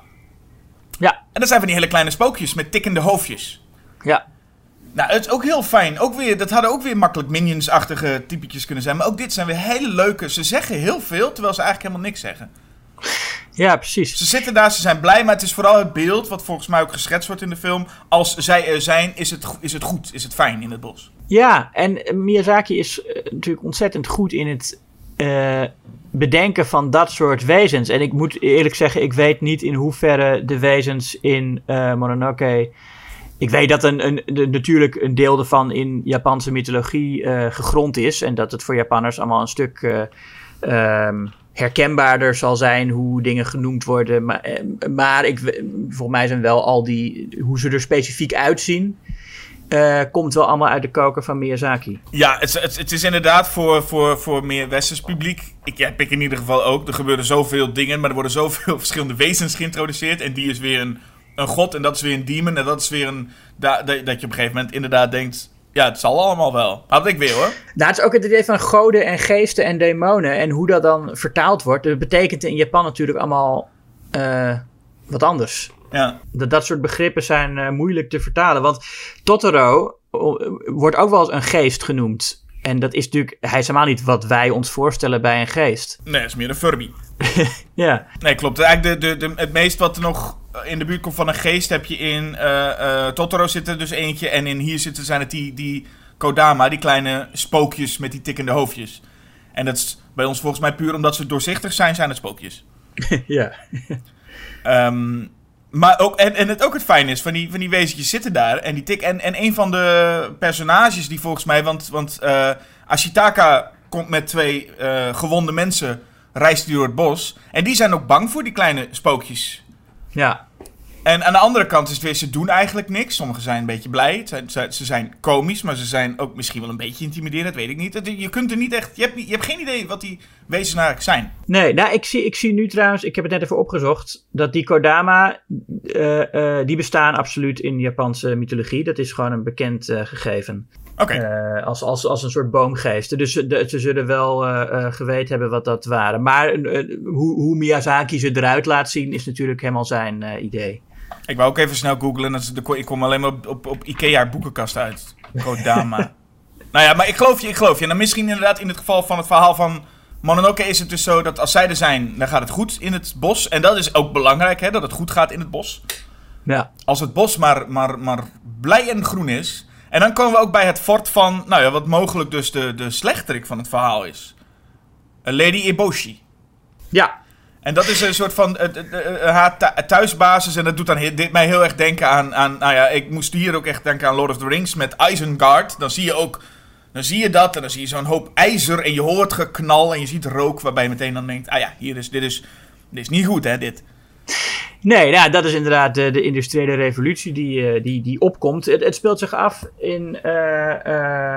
Het speelt zich af in de jaren 1300 of zo. Het, ja, het speelt zich af in de eh, Muromachi-periode. En dat is inderdaad 14e tot 16e eeuw. Nou, het wordt nog niet helemaal duidelijk wanneer precies in die periode. Maar dat was wel een periode van grote eh, omslag. En inderdaad, dat soort uitvindingen als nou, het gebruik van buskruid en zo. Ik Ehm, vind het ook leuk, ik zie hier op Wikipedia staan. Er staat ook in: uh, President Mononoke is, in de, is set in the late Muriachi period.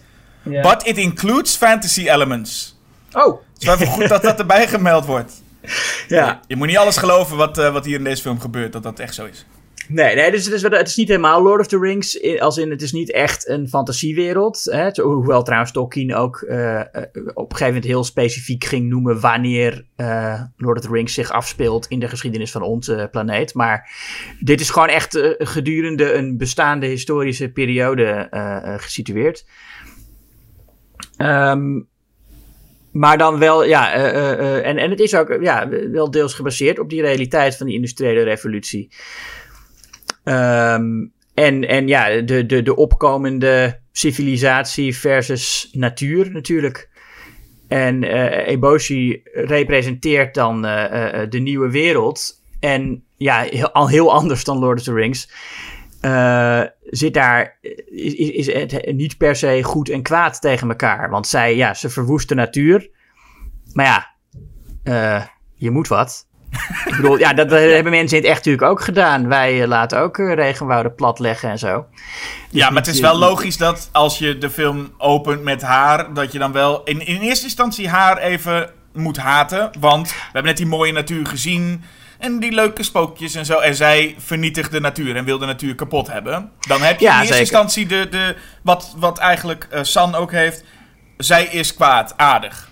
Ja, nee, absoluut. En ze, en ze, en ze wil die, die, die wolfgoden doodschieten. Dus nee, ze is absoluut. eh, eh, ze, speelt, ze heeft dan de rol van een schurk. Ja, maar dan is het wel zo dat zij niet zo eendimensionaal is als dat je zou denken. Met ik wil gewoon het bos vernietigen, want teringbomen weg ermee. Maar ze heeft ook iets wat ze. Nou ja, eh, Ashitaka ziet ook dat ze wel goed is op een of andere manier. Voor, zeker voor mensen. Ja, nee, dat is inderdaad. Daar zie je al meteen dat ze toch weliswaar de rol van een schurk heeft, maar ook best wel oké kan zijn. Is hoe ze inderdaad eh, eh, in, in, in, dat, in, in die stad die ze daar heeft. Ehm, nou ja, voormalig sekswerkers eh, opvangt en, en goed werk geeft en melaatsen eh, aan het werk zet en, eh, en eh, als mensen behandelt. Kijk, de, de verstotenen van de maatschappij vinden bij haar een onderdak en werk. Ja, ze moeten wel hard werken, maar ze krijgen daarvoor ook wel gewoon goed te eten. En ze hebben het vrij goed. Ja. Die voormalig prostituees zijn ook niet heel erg. eh, die, die zijn ook niet op hun mondje gevallen. Die zijn ook lekker bij de hand.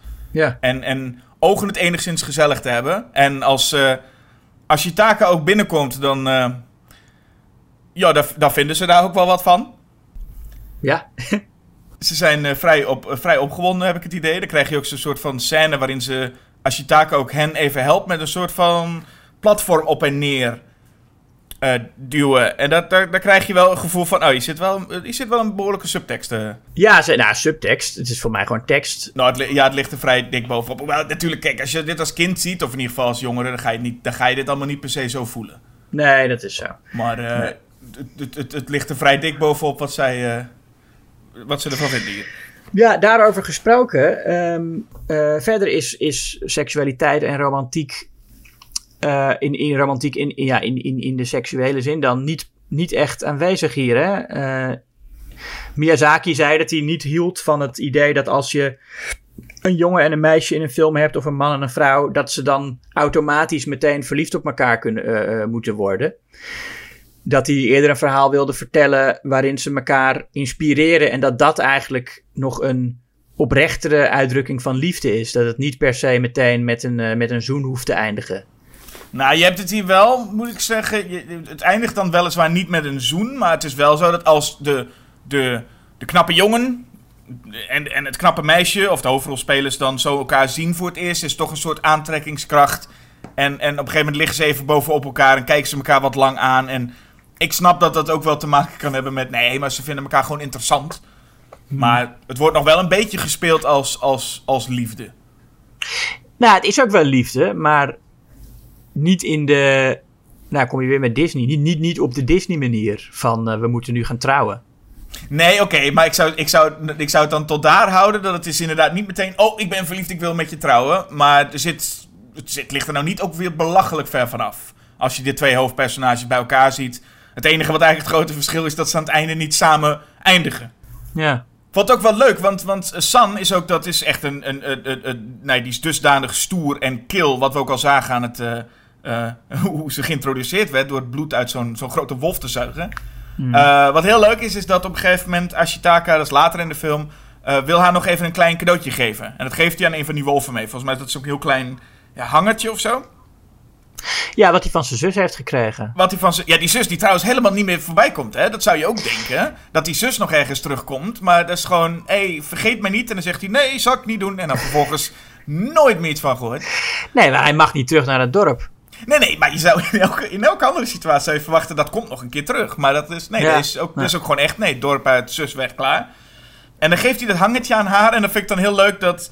Dat San eigenlijk dat hangertje krijgt. Dus ze is overal de hele tijd gewoon. Nee, we moeten vechten en iedereen moet dood, hoppakee. En dan krijgt ze het hangertje en dan zegt ze. Oeh, mooi. Dat is even zo'n heel klein momentje dat ze even gewoon. Oh, ik vind het toch. Ja, ik vind het ook wel mooi. Ik hang hem ook om, om, om mijn nek. Ja. Ja. Ik weet ook niet of dat met liefde te maken heeft overigens. Maar dat, was wel, eh, dat viel me wel even op. Hoe zij toch een beetje. Ja, hoe zeg je dat? Ze wordt iets minder cool, juist. Ze ver, verwarmt? Warmt op. Ze warmt op, dat is het, ja. En dat mocht ook wel, want ze is, ze is nogal eh, alleen maar uit op doodmaken. En zo valt ze ook eh Lady Eboshi aan met haar wolven. En wil ze hen, ja, wil ze gewoon Lady Eboshi afmaken. En dat is ook nog een aanslag die dan misgaat. Ja. En dat ik ook mooi. Ze, ze, ze, Ashitaka redt haar. Nou, dan, wordt ze, worden ze, dan komen ze dan samen buiten die muren. En je hebt ook het gevoel van wie hoort nou bij wie en wie hoort nou waar. Nou, Ashitaka zit er een beetje in het midden. En als hij dan... eh, hij heeft dan eh, San gered. En dan valt hij op een gegeven moment, omdat hij neergeschoten is, valt hij neer. En die wolf, die bedenkt zich ook niet. En die grijpt hem meteen in zijn kop. En die begint hem meteen bijna op te vreten. ja. Dus eh, er is ook geen. eh, die wolven hebben ook echt zoiets van. Hey, dat boeit me geen fuck. Die, die, die, die, dat, dat mens mag, eh, mag wel dood. En dan krijgen we ook ineens apen. En die willen ook mensen opeten. Dus alle Ja. dieren hebben zoiets van. Fuck al die mensen maar gewoon. Ja, nou ja, en vind je het gek? Het is, dat is, het is natuurlijk voor, het, is, het conflict is vanuit beide kampen begrijpelijk. Ashitaka zit er een beetje tussenin. Hij is de brug tussen de natuur en de, en de, en de opkomende beschaving. Ja, ik vond het mooi. Het komt- er er Oké, er komt nu weer een, eh, weer een Disney-vergelijking. Dan heb je, neem je zoiets als Jungle Book. Eh, leuk, natuur, oerwoud. Komen er van die apen. Apen zijn altijd een beetje de, de... Oh, dan moet je lachen. Lach om apen. En hier zijn die apen toch een soort van duistere wezens. Met, Ja. met, licht, met rode ogen die alleen maar met een hele duistere stem zeggen van... Laat de mensen maar liggen, we vreten hem wel op. Dan denk je, oh, dat zijn andere soort apen. Ja. Hebben we al die beesten. De zwijnen moeten ook nog komen, hè? Dat zijn er ook behoorlijk wat. We hebben al eentje in het begin gezien, maar er komen er nog veel meer. En dan moet de Nightwalker nog komen. Oftewel de Forest Spirit. Ja, En dat is wel, dat is wel, het, meest, ja, het is wel het meest interessant figuur. ja ook weer prachtig eh, eh, eh, ontworpen. Ehm, eerst inderdaad als, als nachtloper. En eh, eh, dat is wat hij s'nachts doet. En dan overdag wordt hij een soort hert met een menselijk gezicht. Ja, En het is, ik vind een van de mooiste details is dat als dat hert dan loopt, dat onder zijn hoeven meteen allemaal eh, bloemen beginnen te groeien. Ja, ik vind het, wat ik, wat ik zo mooi vind aan die Forest Spirit dan, is dat het, het is eigenlijk alles. Want hij is, ehm, het is mooi. Hè, als hij loopt, dan wordt, wordt alles om hem heen ook mooi. Tegelijkertijd is hij best wel angstaanjagend, vind ik. Ja. Met dat menselijke gezicht. En hij zegt helemaal niks. En hij kijkt alleen maar. En hij is zo rustig. En alles valt ook stil omheen. is ook wel een beetje imponerend en eng. En tegelijkertijd is het ook heel komisch. Dat droge gezicht daar. Dat emotieloze gezicht wat de hele tijd maar toe staat te kijken. Er gebeurt van alles en iedereen is expressief en met oorlog bezig. En hij staat er altijd een beetje tussen. Dat je verwacht dat hij nog net niet alleen maar de hele tijd zegt als hij in beeld komt van... eh hoi. zo droog. En dat, maar ik vind het zo mooi dat dat personage, dat die, die ene geit met veel gewei en een menselijk gezicht. Als je het zo schetst, denk je echt, nou, waar heb je het over? Maar het is zoiets moois en zoiets mystieks. Dat hebben ze heel goed weten te vangen. Want maak het maar eens zo dat je al die grote wezens hebt. En maak dan maar eens de grote, de forest spirit waar iedereen het over heeft. Ja, hoe, hoe gaat die eruit zien? Het kan bijna alleen maar teleurstellend zijn hoe die er dan uitziet. En daar is dat niet. Nee, En toen dacht ik wel, omdat ik steeds ook aan Lord of the Rings moet denken. En, en dus ook steeds wel denken we aan andere animatiefilms. Denk ik, hier zie je toch echt wel hoe fantasieloos de rest van de wereld dan bijna soms is.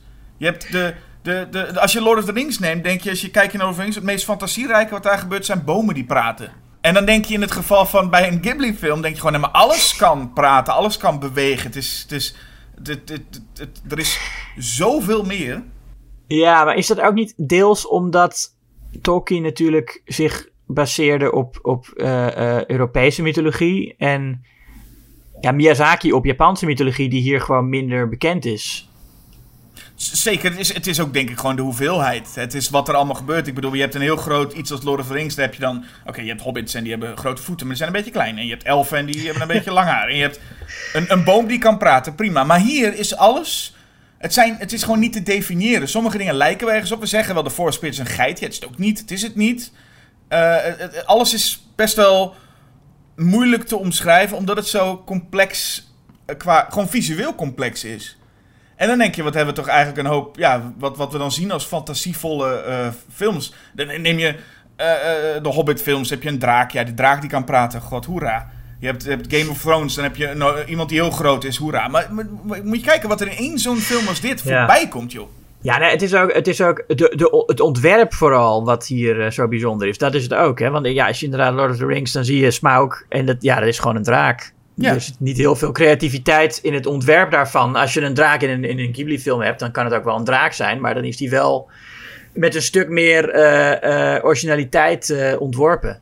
Ja, en dan is zijn rol ook niet de rol van draak meestal. Dan is het ook weer, ook dat is dan waar ik weer helemaal anders. Het is, het is niks wat je ziet, verwacht je. Wat groot is, is klein. Wat klein is, is groot. Het is, nou ja, en wat ik daar dus ook mee heb, is dus, dus mijn, mijn Lynch-vergelijking. Want dan krijg je op een gegeven moment de Forest Spirit. En die geneest Ashitaka. En dan komen de zwijnen. En dan, komen, en dan denk ik wel, en er wordt wel eens gezegd, ah, dat heb ik ergens gelezen, dat Miyazaki ook wel wat improviserend werkt. Dat hij ergens begint en dat hij gewoon gaandeweg wel ziet waar het heen gaat.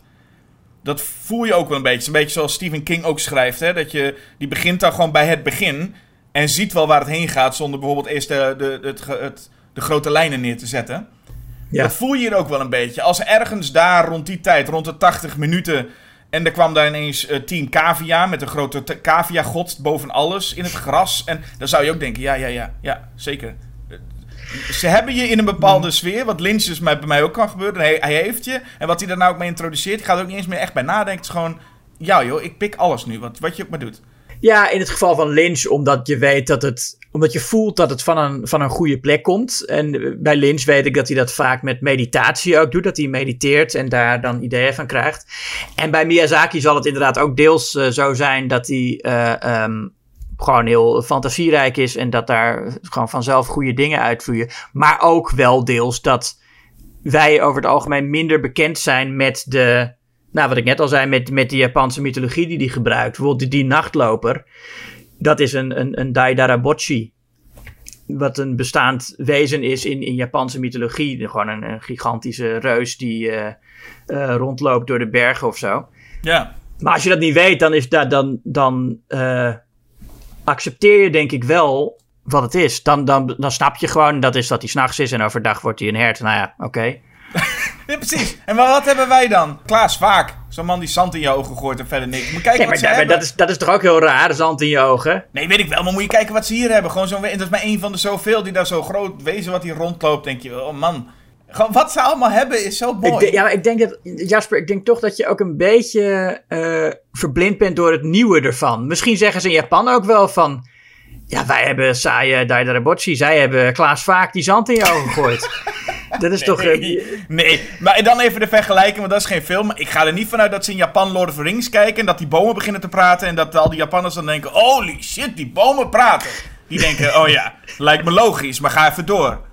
Toch? Ja, nou die hobbits, nee, die hebben hele grote voeten en dat al die Japanners, oh, grote voet. Nee, natuurlijk niet. Dat Nee, maar dat zeggen we hier toch ook niet? Oh, grote voeten. Dat is gewoon, nee, maar dat is gewoon een leuk, een leuk, eh, een leuk eh, detail is dat. Hoe dan ook, er wordt wel nu ingezet op, en dat is, eh, blijkt dat deze film iets traditioneler dus dan Totoro, er wordt hier wel ingezet op een groot eindgevecht. Dat, dat gaat nu gebeuren.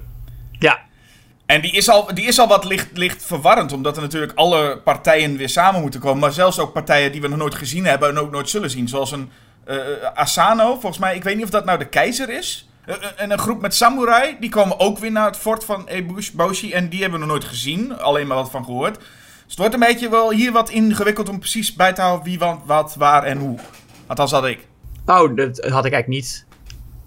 Je had, je had Nee, meteen door het- wie, eh, wie, wie Asano was, dat had je meteen wel door van, oh ja, ik weet wat die nou doet. Nou ja, ik weet dat er, dat er oorlog is. En nee, ja, die Asano, daar, daar leer je verder niet zoveel over. Maar dat is, ja, je, je weet dat er, dat er eh, eh, eh, gestreden wordt. En dat die eh, eh, een invasie eh, willen van dat, eh, van, van dat, hoe heet dat dorp van eh eh, eh, Eboshi ook weer? Ja, die town. Ik, ik moest altijd denken aan Barter Town, maar dat is niet. eh, Tataraba. Ir- oh, oké. Ja. Ik, dacht, ik dacht aan Engels Iron Town, Oh, ja, dat, oh, zo, zou, ja, zo zou het eh, heten. Ja. ongetwijfeld. Maar nee, maar ik bedoel, ik wou dan echt nog. Ik wou eigenlijk nog een beetje in kaart brengen voor mezelf ook van wie komt nou waar en hoe zit dit nou. En dan is het ineens dat het fort van Eboshi wordt aangevallen, maar dat wordt dan weer aangevallen door een heel ander team. Ja, nee, die, die samurai, dat zijn eigenlijk de enigen die eh, gewoon echt puur eh, bad guys zijn. Ja, en, want, ja, en verder wordt namelijk. vindt het, het hoofdding vindt wel gewoon plaats in het feit dat eh, Eboshi wil gewoon de, de, eh, de Forest Spirit doodmaken. En Ja. eh, daar is een flinke veldslag gaande met alle zwijnen. En Ashitaka die moet eerst, die besluit eerst om weg te gaan, want die, die mag zich nergens meer mee bemoeien, maar komt toch terug, hè? Want hij wil zich er toch even mee bemoeien. Eh, Ja. En hij heeft natuurlijk nog steeds die hele superkrachtige arm die, eh, waar die mensen mee kan onthoofden. Dus dat komt ook nog best wel goed uit. ja, precies. Het is ook een heel leuk moment, vind ik. Dat als hij dan twee strijders vallen hem aan. Hij schiet dan één iemands hoofd eraf. En dan zie je heel doodleuk iemand anders echt zo omdraaien met... Oké, fuck dit. En dan gaat Ja, we gaan, we, we gaan. Ja. Ja, ja nee, oh, we hebben er nog een manier gehad over hoe goed die actiescènes eigenlijk allemaal zijn. Hè? De, de, in, ja, in een tekenfilm kan je dat dus geen camerabewegingen noemen. Ehm, maar dat, dat noemen we maar even zo, omdat we wel begrijpen wat het is. Hoe die, hoe die camera. Ja, ja, maar goed, hoe, hoe, hoe de spreekwoordelijke camera dan zo rondzwiert ja. eh, tussen de actie door. Ehm, En overzichtelijk. Er gebeurt Ja. veel. Het is, het is imponerend, spectaculair en overzichtelijk. Wat ik heel belangrijk vind, dat laatste. ja, nee, tuurlijk. En, en, het, en het is, en het is rustig allemaal. Ja. En ik, je hebt soms dat regisseurs die dan hebben ze de vrijheid van een animatiefilm en dan gaan ze die meteen ehm, overdreven gebruiken. Eh, ik vind dat bij, bij Spielberg zijn kuifje. Ehm, werd het echt van ja, oké, nou weten we het wel. Je kan alles in één take doen, omdat het nou eenmaal een animatiefilm is. Dus je, je kan hem al, eh, weet je wel, door huizen heen en weet ik veel, die auto achterna tijdens achtervolgingsscènes. En dan wordt het, wordt het een beetje. Dan ga je te veel zien dat hij wil laten zien hoe virtuoos die deze scène eh, gepland heeft. Ik denk dat het ook vaak gebeurt bij regisseurs die vaak ook live action doen en dan ineens animatie. Waardoor ze ook, Ja. als, als ze dan een shot moeten doen, dat ze dan een dialoogscènetje moeten doen, dat ze ineens denken, ja maar een overshoulder, ja maar dat kan met de gewone camera ook, dat gaan we nu niet doen. Ja, precies. En bij Mia, nou goed, nou heeft Miyazaki natuurlijk, omdat dit nog een handgetekende film is. En ehm, in, met, met digitale animatie is het natuurlijk veel makkelijker om dat soort uh, virtuoze shots te doen als je in Spielberg's animatiedingen ziet. Ook in de BFG trouwens, de, de, de animatiescènes daarin zie je ook dat hij heel erg gefascineerd is door die mogelijkheden. Mm. En ja, die, die, mogelijkheden heeft Miyazaki hier niet. of althans, het wordt een stuk lastiger. Um, maar daardoor zie je inderdaad ook dat het, dat het nooit, nooit te veel uh, kijk mij eens virtuoos doen wordt. Nee, wat ook heel fijn is, is hoe hij dus, nou ja, wat we al eerder zeiden, met hoe bruut deze film is. Hoe als ook dan die slacht, dat de slachting is geweest, hij ook niet terugdeinst om doden, maar ook gewonden, heel veel bloed, allemaal te laten zien. Ja. Dus je ziet niet alleen de spectaculaire actie, wat in animatiefilms wel vaker gewoon even wordt gezien, maar je ziet ook wat er daarna is gebeurd. De oorlog. Maar als ja. ik zie wat er met bijvoorbeeld die Okoto gebeurt, het oude zwijn. Dan denk je wel van arm, arm beest. Ja, dat is zo naar. En, en dat is nog het ergste. Hij is dan helemaal toegetakeld. En hier zit weer iets wat ze dus bij Ghibli heel goed doen. Wat we net ook al zeiden. Die, die toon. Het is zo lastig, want die, die, die zwijn is heel erg gewond. Maar hij is dus van mening dat al zijn, uh, zijn, zijn leger nog terug is. En dat ze samen ergens naartoe strijden. Maar dat is dan niet zo. Dat is dan, zijn dan de slechterikken die in, een, uh, in die zwijnenvellen zitten. Ja. En dat ziet er ergens heel komisch uit, want het zijn van die mannetjes onder zo'n vel met van die oogjes die zo'n beetje zo ronddwarrelen. Dat heeft iets komisch, maar tegelijkertijd is heel lugubus. Hmm. En ook heel tragisch, het feit dat die oude, dat oude zwijn denkt dat zijn mensen nog leven, maar het zijn eigenlijk maar mensen onder uh, de huid van, van, zijn, uh, van zijn leger. Ja. Zoveel verschillende gevoelens krijg je daarbij, terwijl je normaal zou denken, ja, het is, het is dit of het is dat, maar het is, het is, het is zo knap dat het alles is. Ja. En dan komt die Forest Spirit er ook nog eens een keer bij. Want in één keer dan alles was dramatisch en, en hectisch en zo. En dan ineens is daar die Forest Spirit weer. Hè, met zijn droog, droogkomische gezicht staat hij daar. En loopt hij over het water. Zou dat in, in, in Jezus metafoor dan zijn? Ja, dat, dat, zat ik ook te denken. Dat zou, het zou natuurlijk een beetje simplistisch zijn. En, uh, en misschien ook wel een beetje clichématig. Ja om dat nou meteen aan te nemen. En, en misschien is dat ook wel iets wat in Japanse mythologie uh, heel normaal is. En dat, uh, dat weet je wel, dat ze zeggen Jezus. Nee, dat is gewoon ons ding. Ja. Dat, uh, dat, weet ik niet. Het zou ook een beetje raar zijn om nu om te zeggen: Weet je, de, deze God, hij is eigenlijk net als Jezus. Dat je denkt: Ja, het is toch gewoon een God. Wat, hoezo? Het zou, het zou niet, als het een metafoor is, zou het niet heel veel toevoegen. Nee, en dit gaat ook veel verder. Het is ook veel, veel beter uitgevoerd, zou ik bijna zeggen. Dan de Bijbel? Dan, dan de Bijbel, ja. Want het is niet zo'n moment dat Jezus door zijn hoofd geschoten wordt. en dat hij dan even zo door dat water zakt. maar dan toch weer er bovenop stapt. Dat, dat, dat lees je daar niet. Nee. En hier wel. En dat is een spannend moment. Want ze schieten dus die Force Spirit door zijn hoofd. Dan denk je: oh oh, zou het hier gebeurd zijn? Dan zakt hij ook zo heel mooi door dat water heen. Mm Maar dan stapt hij er toch nog weer over. En denk je: oh nee, want hij is natuurlijk almachtig. Die kun je niet zomaar kapot schieten. Uh, want het is een machtig wezen. En toch lukt het de tweede keer wel. En dat is best wel een verrassing. Dat als de. Uh, schijnbaar als de Forest Spirit van hert naar reus. Ik noem het maar even de Nightwalker gaat transformeren. Dan is hij zwak. Schijnt. Ja. Althans, dat idee kreeg ik. En dan lukt het ze dus om het hoofd eraf te schieten. En dan denk je wel, we zijn al vrij. Nou ja, dicht bij het einde. Waardoor je denkt: oh, ik ben wel verrast dat het ze dus lukt om dit wezen alsnog te onthoofden. En dan krijg je een hele lange scène met, met Billy Bob Thornton die met een hoofd in een kistje aan de, op de vlucht gaat. Billy Bob Thornton, ja. Ja, hij is dan de, de, de opportunist, weet je wel. Ook niet per se een heel slecht mens. Maar iemand die gewoon altijd uh, uh, doet waar hij, waar hij zelf het, uh, het, het, beste van wordt. Uiteindelijk is dus ook dat, nou ja, wat zij veroorzaakt hebben, heeft ook, hebben ook veel mensen last van. Want de, de Nightwalker gaat in de aanval met een soort van ja, wat is het? Wat, wat, wat gebeurt er daar precies? de Nightwalker loopt zonder hoofd rond. En ondertussen is het een soort van zwarte prut. Of is het het bloed van de Nightwalker? Ik weet het niet. Het is in ieder geval... Iets, iets neemt het alles over. Ja, nee, ja, het maakt niet uit wat het is. Het is gewoon een, een kwade kracht, omdat inderdaad uh, uh, de nachtloper zijn hoofd zoekt. Nou ja, ik, of het maakt niet uit wat het is. Het maakt me niet, ik hoef ook niet precies te weten wat voor vloeistof het is. Maar het is wel, het komt van de Nightwalker af, die valt aan. Ja, en je gaat dood als je ermee in aanraking komt. Ja, een soort, soort, soort, soort epische variant van de Blob is dit wat we dan krijgen. Ja, ja precies. Nou ja, uiteindelijk rest ook niet veel meer dan, het, dan geef het hoofd terug en, en uh, alles komt weer goed. En het is ook een beetje zo dat deze film is, is, is best lang. Maar het voelt alsof dit nog veel langer had kunnen zijn. Dus er wordt best wel veel verhaal in één film gepropt. Ja, als, als ik denk, als, als je dat nu, als, je, als er een Amerikaanse remake zou komen, zouden ze dat als een trilogie uh, maken. Of een serie.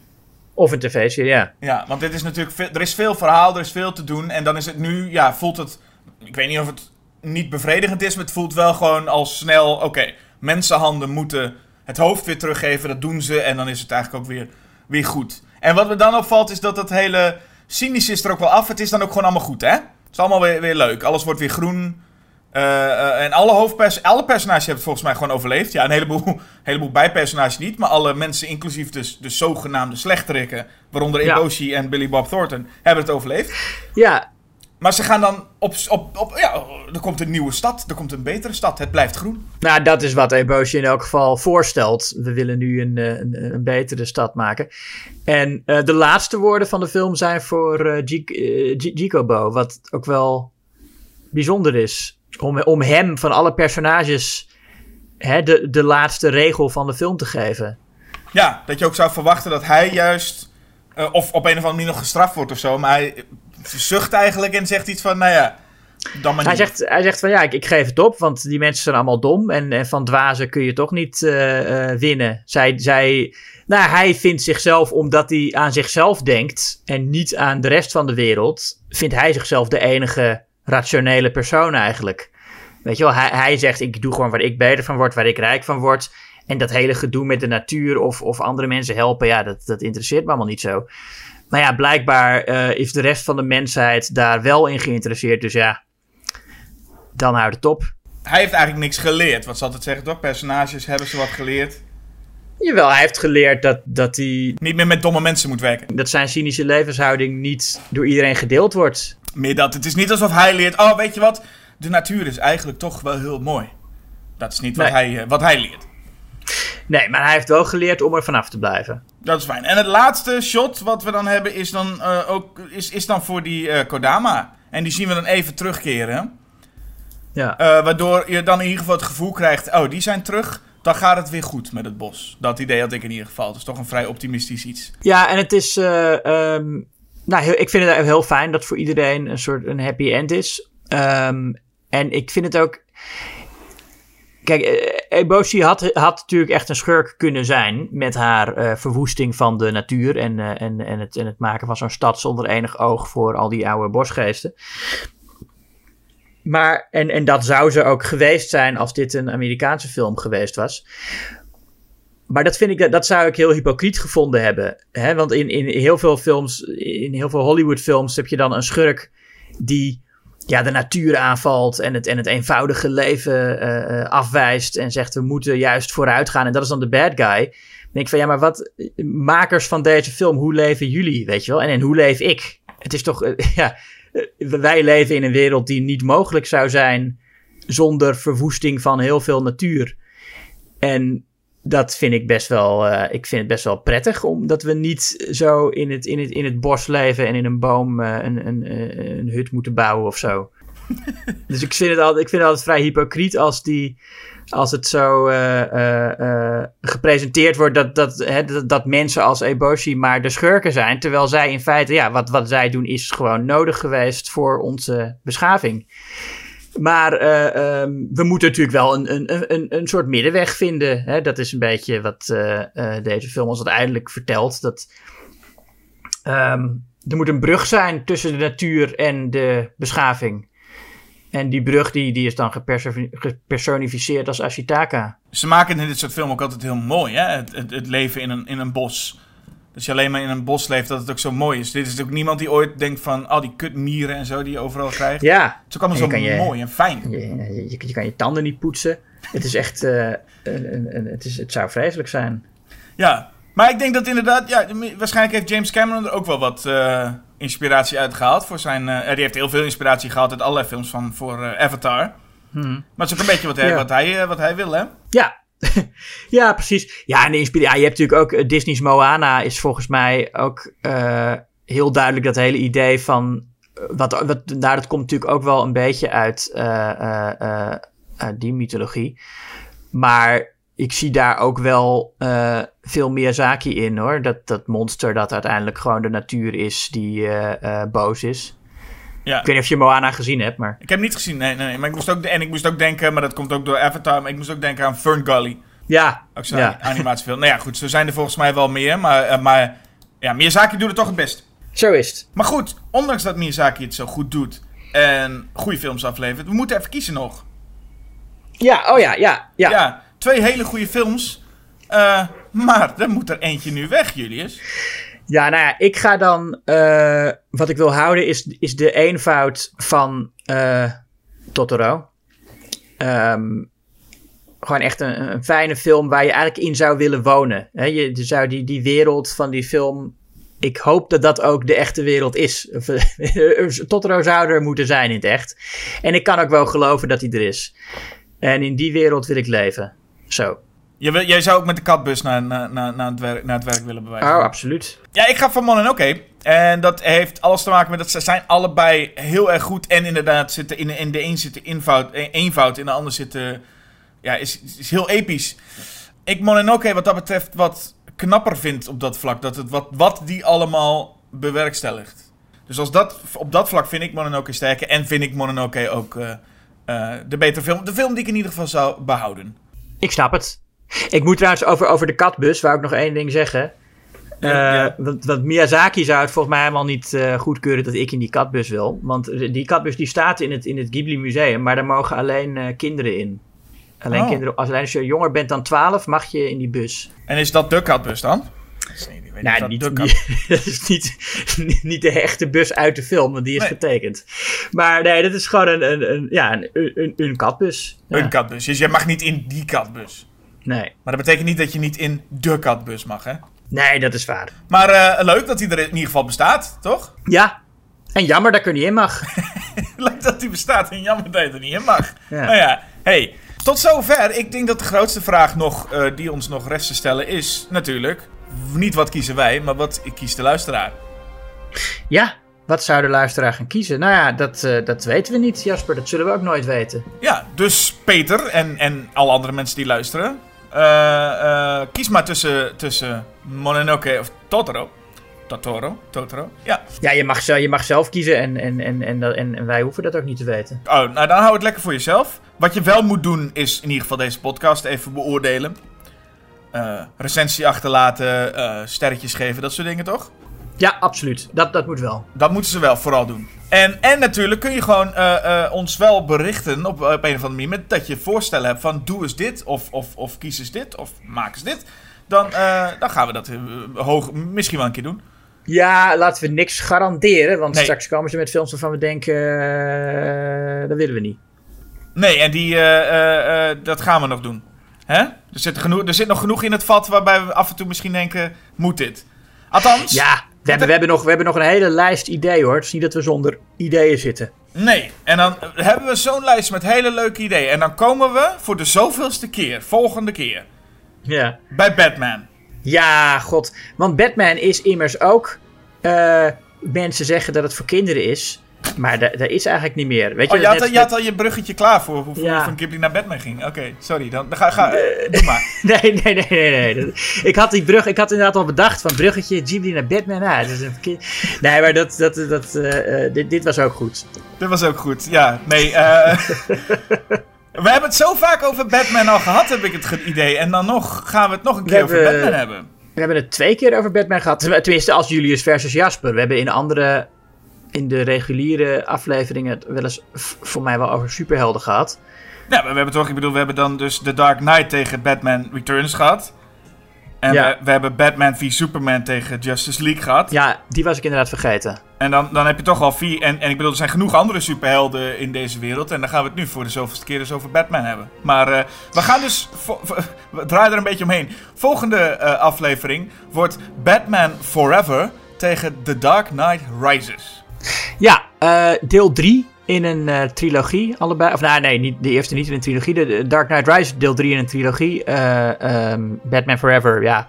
Was dat even? Ja, het wordt Schumacher tegen Nolan. Nou, spannend. Dat wordt, dat wordt interessant. Maar tot zover deze. Ik zou zeggen, bedankt Julius.